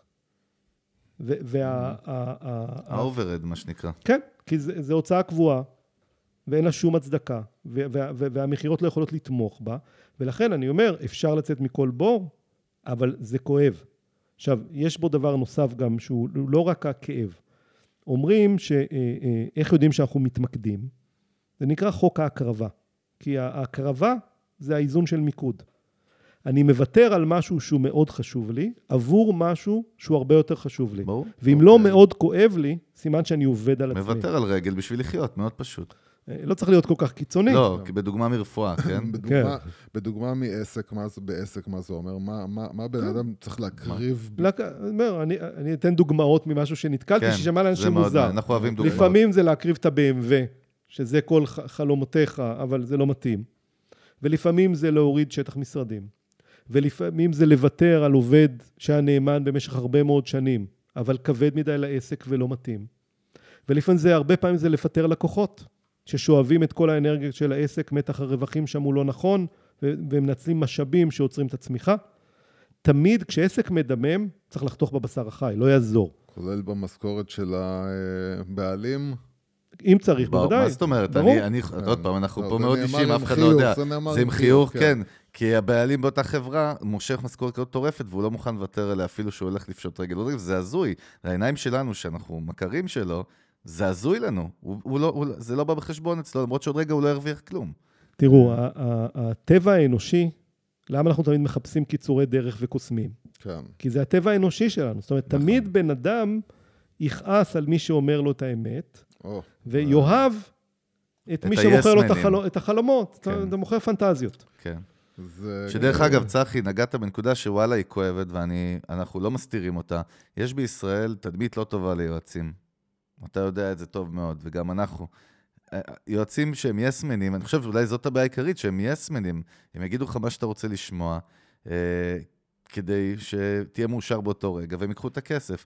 טיפ אחד ככה מהיר למה צריך לראות שבוחרים יועץ, כי אתה יודע, אתה בגוד סייד של הגלקסיה, כן, אז אה, זה אומר, אני לשמחתי זה מצוין, כי אני מתפרנס מזה מצוין. כן. מהתיקון בעיות של אחרים. ברור. זה עצוב מאוד, אבל אני אומר, קודם כל, לפני הכל, קחו המלצות ותדברו עם מינימום, מינימום במינימום שלושה ממליצים שונים של עסקים, אני ממ- ממליץ לדבר עם הרבה יותר, שלושה עסקים שונים שעבדו עם אותו יועץ, פרספקטיבות שונות, תשאלו את האנשים, תנו לאנשים לספר, תשאלו אותם מה היית עושה בדיעבד, אבל תקבלו פרספקטיבה מאוד מאוד רחבה, ותבינו גם את הפרופורציות של בן אדם. זה לא משנה אם הוא מדבר יפה, אם הוא מומחה, אם הוא מרשים, אם הוא מדהים. כריזמטי. ר- רק בעל עסק שעבד איתו יכול לספר לכם אוקיי. את האמת. גם, פשוט כל כך, אבל רוב האנשים אה, לא הולכים ועושים את התחקיר הזה. קטע. עכשיו... אה, דרך אגב, זה סתם, אני לא אין לי מושג אם זה עכשיו, באמת עוד, נכון. עוד, אה, עוד משפט. מאוד חשוב, יש לנו נטייה ל- ל- להסתנוור מסיסמאות, ואז אנחנו מחפפים בבדיקה. כי הוא דוקטור, או שהוא עורך דין, או שהוא עבד עם סופרסל, או עם נוחי דנקנר, או לא משנה מה. ואלה המקומות שאנחנו מסתנוורים ממשהו, ואז מחפפים בבדיקה. יש את הבדיחה המפורסמת, איך קוראים לבן אדם שסיים ציון הכי גרוע בתחתית הכיתה בבית ספר לרפואה? רופא. לא, זהו, ממש- אה, לא, אה, פתאום ברחתי, גם בקטע אני רציתי להגיד את בקטע זה. של פשיטות רגל, אה, רגע, בוא זה- נצא אני- משם. אני אתן לכם את הזמן? לחשוב, בוא- בוא ואני אעשה. משהו, ש- כי. אנחנו נורא מבהילים את האנשים. כן, לא, זהו. עכשיו- דרך אגב, אני לא חושב. אני- שנייה.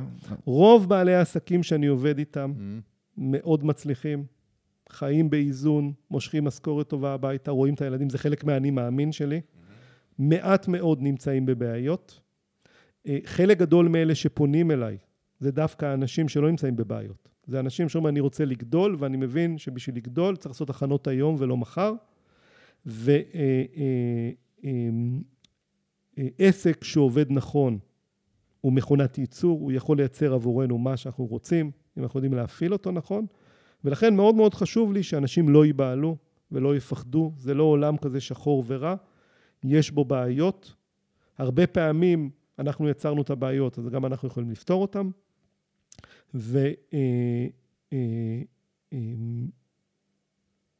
ואחת הבעיות הכי נפוצות נוצרת מזה, שנקראת כדאי או צריך.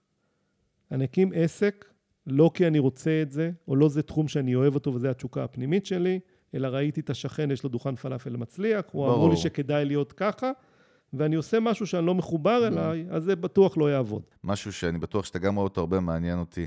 אה, יש עניין בישראל, יש נגעים שקשורים לישראל, כמו שדיברנו, צה"ל וכל מיני דברים כאלה, כל מיני מיסקונספציות. יש בישראל משהו מאוד חזק בעסקים, שזה עסק משפחתי. מכניסים את אחותי לנהל את הכספים, ובדודה של אה, גיסי הוא עושה זה. אה, אני רוצה שאפילו לא, לא, לא אסונות או הצלחות, אלא מה עשה ואל תעשה ממה שראית שגורם לבעיות בעסק משפחתי, או, או הפוך, להצלחות. כי הרבה פעמים אנשים אומרים, לא, להפך, זה האנשים הכי נאמנים- לי, לא ידפקו אותי, הם, אתה יודע, וכו' וכו'. אמ, אה, אז קודם כל, אני עובד הרבה עם עסקים משפחתיים, ובתוך עסק משפחתי, מעבר לעולם העסקי, יש משפחולוגיה. יש דברים שנובעים מה- מהקשרים המשפחתיים. עכשיו, אה, אה, אה, גם עסקים משפחתיים זה מושג של פעם. פעם היה יותר כבוד למסורת, והיה יותר קרוב, כבוד להרגלים. בדורות החדשים זה לא מחזיק מעמד. אוקיי, מעניין. עכשיו, אנקדוטה לגבי זה, לפני כמה שנים טובות עשיתי עם איזושהי חברה תהליך, נתתי לבעלים, עסק משפחתי, נתתי לבעלים שהם ההורים, אה, אה, לכתוב את החזון של החברה. ואז הם באו אחרי שבוע, שבועיים עם המשימות, והתחילו להקריא לי את החזון, ואז הקריאו, הקריאו, ואז הגיעו, הגיעו למשפט, והחזון שלנו עבור הילדים שלנו, אז חתכתי אותם. אמרתי להם, רבותיי, אם אתם לא תיתנו לילדים שלכם להגדיר את החזון שלהם בעצמם ולהתפתח כמו שהם רוצים, טוב לא יצא מזה. עכשיו, אה, כמו שיש לי אוטו, נניח שיש לי אוטו, ויש לי במחסן גלגל של וספה. עכשיו, התקלקל לי הגלגל.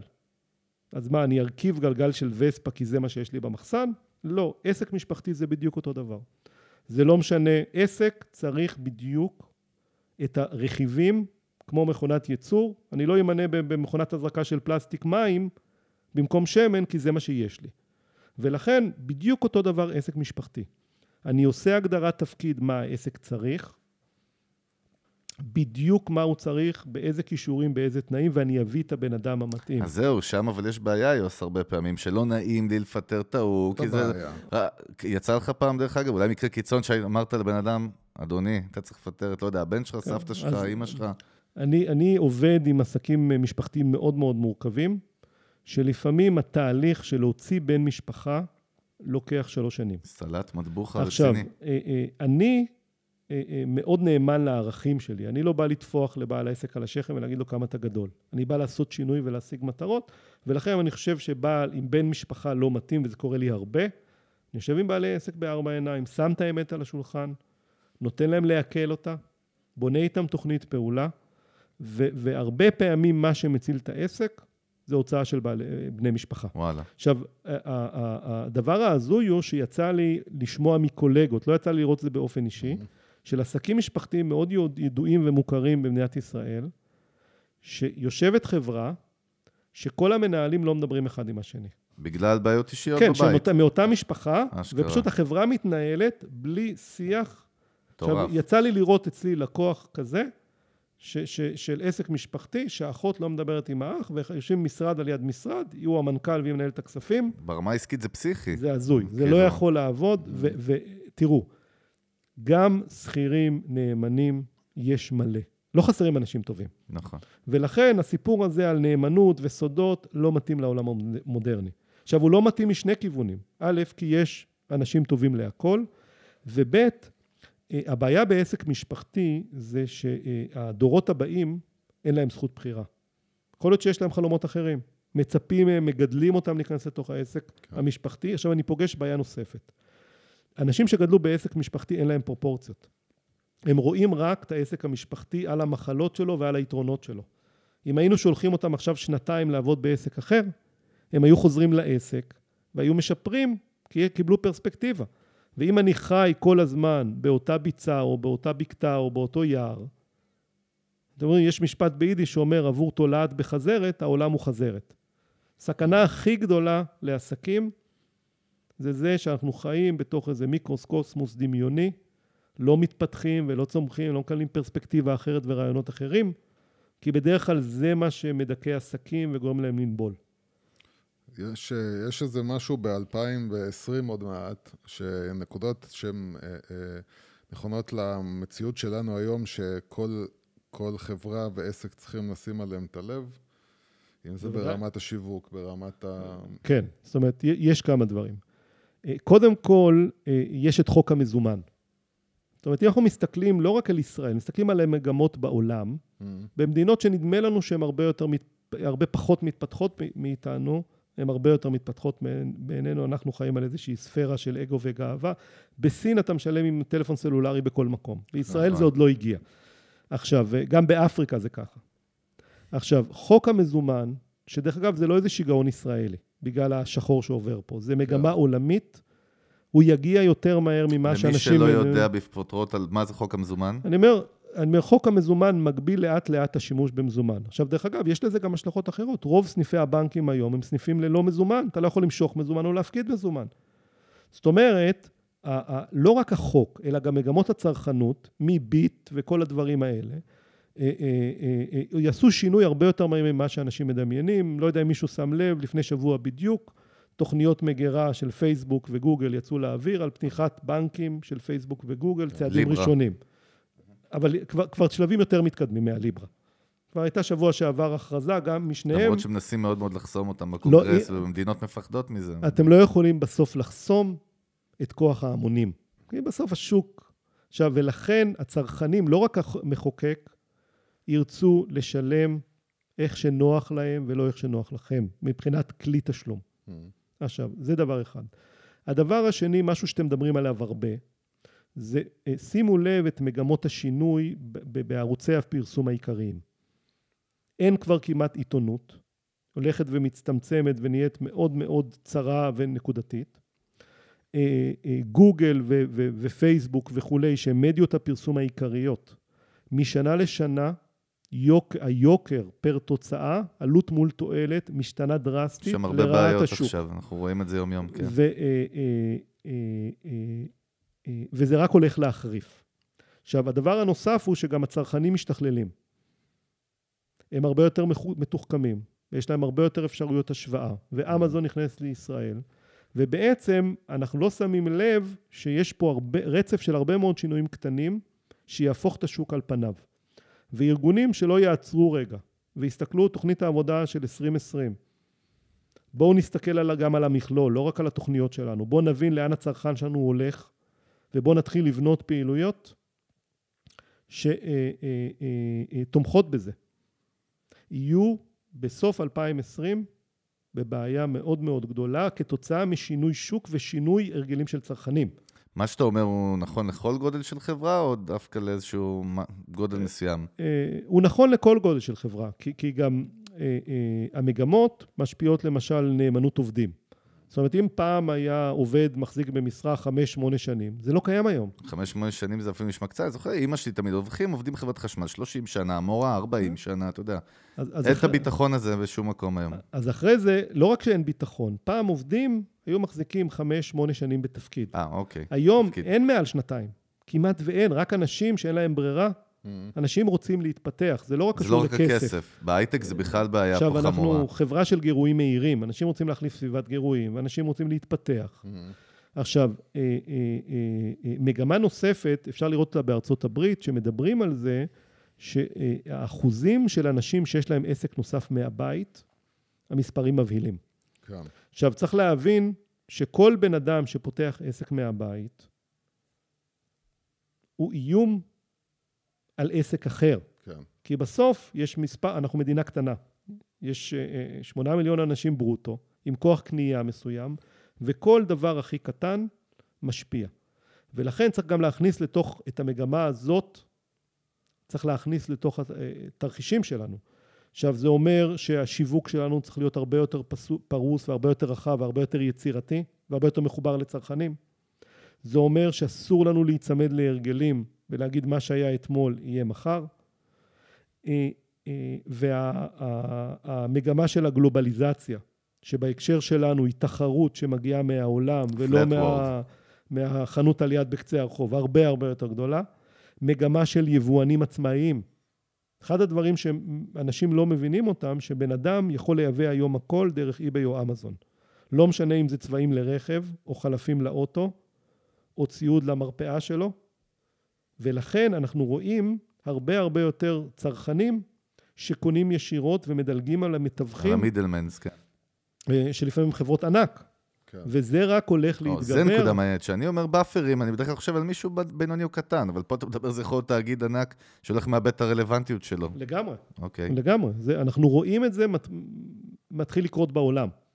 זאת אומרת, אה, אה, אנחנו נבדוק תעשיות מסורתיות, איזה אחוז מהלקוחות שלהם התחילו לקנות ישירות ציוד או חומרים דרך האינטרנט, אז אנחנו מגלים שכמו שאתם יודעים, אני, אני אעשה לזה הקבלה. מאיפה אה, פרח כל עולם ה-CRM, אותן תוכנות, תוכנות לניהול ניהול. קשרי לקוחות? כי בעצם היה דור שלם של עסקים, ואז הבנים שלמדו MBA באוניברסיטה נכנסו לעסק המשפחתי, mm. ואמרו, יאללה, הגיע הזמן להתחדש, בואו נכניס תוכנות. ואז כן. פתאום הייתה פריחה של ה-CRM. אותו מהפך בשוק קורה עכשיו עם אה, צרכנים שקונים ישירות. e-commerce, אונליין. כן. ולכן המגמה הזאת תשפיע כמעט בכל התחומים, כי גם הצרכן יודע היום כמה החברה מרוויחה.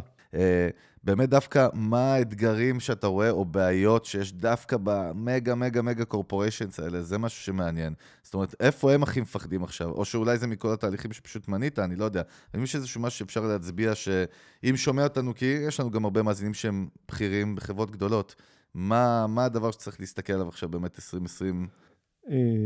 קודם כל זה מאוד משנה אם זו חברה גלובלית או מקומית, כי הפרק okay. אוקיי. ישראל היא פצפונת בפרספקטיבה של חברות עולמיות. אז תאגיד מקומי בישראל הוא לא דומה ל... אבל תאגיד מקומי אה, אה, צריך שמישהו יבוא ויגיד לו את האמת על השוק שמתחיל להשתנות, ואתם יודעים שהשינויים הם קטנים, לא שמים לב. שמים לב שיש משבר. אנחנו רומזים ולכן... לזה שהרבה פעמים פשוט לא אומרים להם את האמת, אני מנסה כן, להבין. כן. הרי חברות כאלה מבוססות הרבה על אנשים מבחוץ, נכון? על יועצים, זאת אומרת... או... ת, תלוי בתרבות הארגונית. אוקיי. עכשיו, הרבה פעמים לוקחים יועצים, יסלחו לי, אה, אה, אה, כי זה חבר של, מהמם. או כי עובד אצל ה... מישהו שאני מכיר. עכשיו, אה, אה, אה, לא תמיד נותנים ליועץ להגיד את האמת. אספר לכם אנקדוטה. לפני אה, כמה שנים טובות היה פרויקט של שיקום המפעלים שנפגעו ממלחמת לבנון השנייה בגליל. כן. ישבתי עם מפעל אה, כימיקלים, עם המנכ"ל, ו- ו- ואני יושב איתו ואומר לו, תגיד, אה, איזה תחליפים ירוקים יש לכם למוצרים שלכם? אתם מוכרים המון באירופה. כן. אז הוא אומר לי, לך מפה. כמעט זרק אותי מהמשרד. עכשיו, אני עקשן, והתווכחתי איתו כמה, כמה פעמים. אמרתי לו, תשמע, הוא אומר, אתה לא מבין את השוק שלנו. הוא אומר, אני חושב שאתה לא מבין את- אתה את השוק שלך. ובסוף הוא השתכנע, ולקחנו מידענית שתעשה עבודה על חקיקת רגולציה בנושא כימיקלים ב- באירופה. לאן הולכות המגמות? זה הספר הביוס שאני הולך לקרוא כן. כנראה. ו-. אה, אה, אה, ואיך שהוא קיבל את הדוח של, של אותה מידענית, הוא קרא למדען הראשי של החברה ואמר, אדוני היקר, בתוך חצי שנה, תחליפים ירוקים לכל המוצרים שלנו. עכשיו, כשאנחנו עסוקים במלחמת קיום וביום-יום ובדירקטוריונים וזה, אין לנו זמן, אנחנו לא מסתכלים על הבעיות הקטנות, והבעיות הקטנות מתחת לשטיח הם אלה שצריכות להדאיג אותנו, כי מחר יהיו בעיות גדולות. ולכן אני ממליץ לכל ארגון שבטוח שהוא חזק, כי בדרך כלל מי נופל? האנשים עם ה- חטא ההיבריס, ואנחנו ביטחון חזקים והיוהרה. ומונופולים, והשוק שלנו וכולם שלנו. כן. לבקש ממחלקת השיווק או מיועצים וכולי, בוא תמפה לנו את הסיכונים הקטנים, את המגמות שוק הראשוניות אה, אה, שהן אורבות לנו מעבר לפינה, איך הם ישפיעו עלינו, ו- ולא לפחד מזה, ולא לחשוב שאני יותר גדול ויותר חזק מאותו ספק שקונה ישר באי-ביי, לא, כי היום זה הוא ומחרתיים זה 40 כמוהו, מהמם. ואז כבר אה, אה, התזרים משתנה ולחצים משתנים, ופשוט אה, אה, אה, אה, להסתכל למציאות בעיניים, לא לייפות אותה, לא לטייח אותה, לא להגיד אין לי זמן.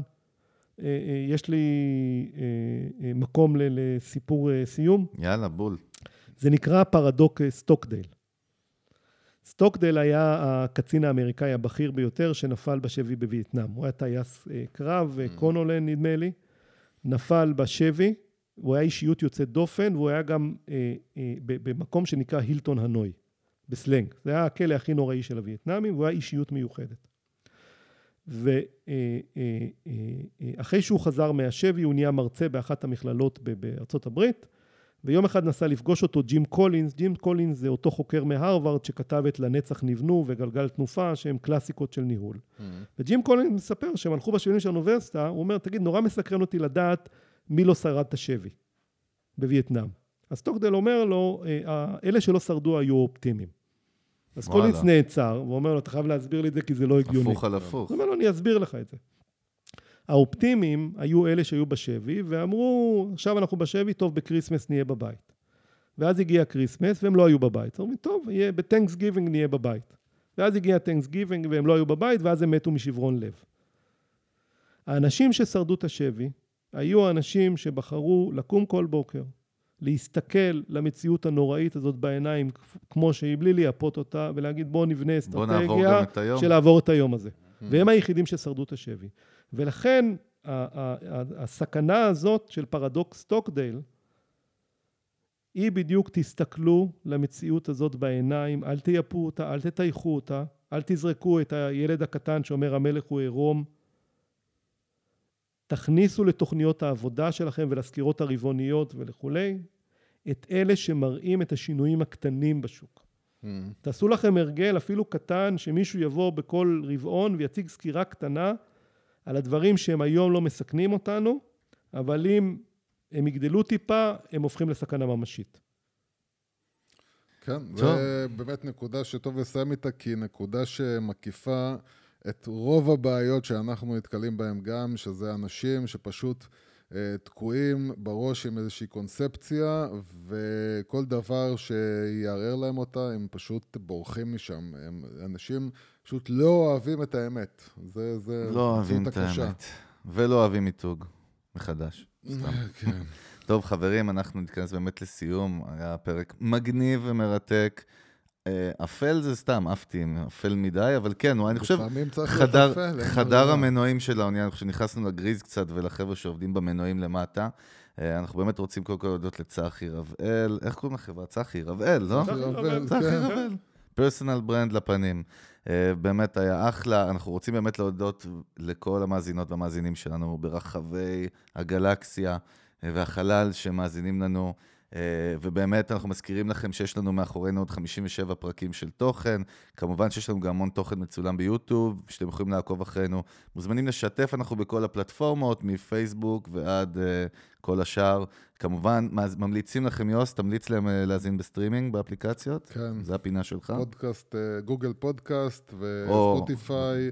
כדאי ו- לשמוע כן. אותנו דרך אפליקציית פודקאסטים, לא old fashion באתר, זה הרבה יותר נוח, זה גם שומר לכם איפה שעצרתם, טכנולוגיות מדהימות מהעתיד.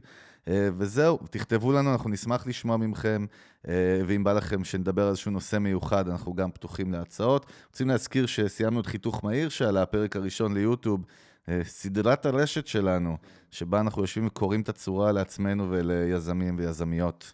או יזמות, איך שאומרים את זה, שיושבים מולנו. אנחנו הולכים כבר לצלם את פרק 2, אז אם בא לכם להשתתף, לשבת עם יוס ואיתי מסביב לשולחן, ושנירה לכם עם אה, מקלע כבד, אז אה, תכתבו לנו למייל חגי שטרודל brandnation.co.il, או DM בפייסבוק, יהיה מספיק. Uh, צחי, תודה רבה לך, היה עונג גדול. Uh, יוסי, יאללה, תודה. תודה לך. אנחנו נתראה אפשר בקרוב. אה, משפט סיום? כמובן. name dropping? ברור, Name dropping, ברור. אני אה, אה, אה, מודה שהמנגל... תרים, תרים כאילו, לנו קצת, תרים. 57 שעות ריצה, כן.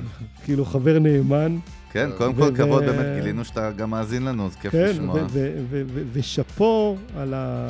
אם אני משווה את הפרק הראשון, או, פרקים מובראים, כן. אני אומר, זה לא אבולוציה, זה רבולוציה. אין ספק, אנחנו אנחנו מפחדים לשמוע את אנחנו הפרקים. לא שומעים, לא שומעים את הראשונים, אני לא כן. מעז לשמוע את זה. בסדר גמור, חברים, תודה רבה. אנחנו נתראה בקרוב ממש בפרק 59, אנחנו היינו צוות המנגל, אני חגי גולדובסקי, כמו תמיד יוס הגדול. יוסי פורקוש, יאללה, טוס לי מהעיניים, ביי.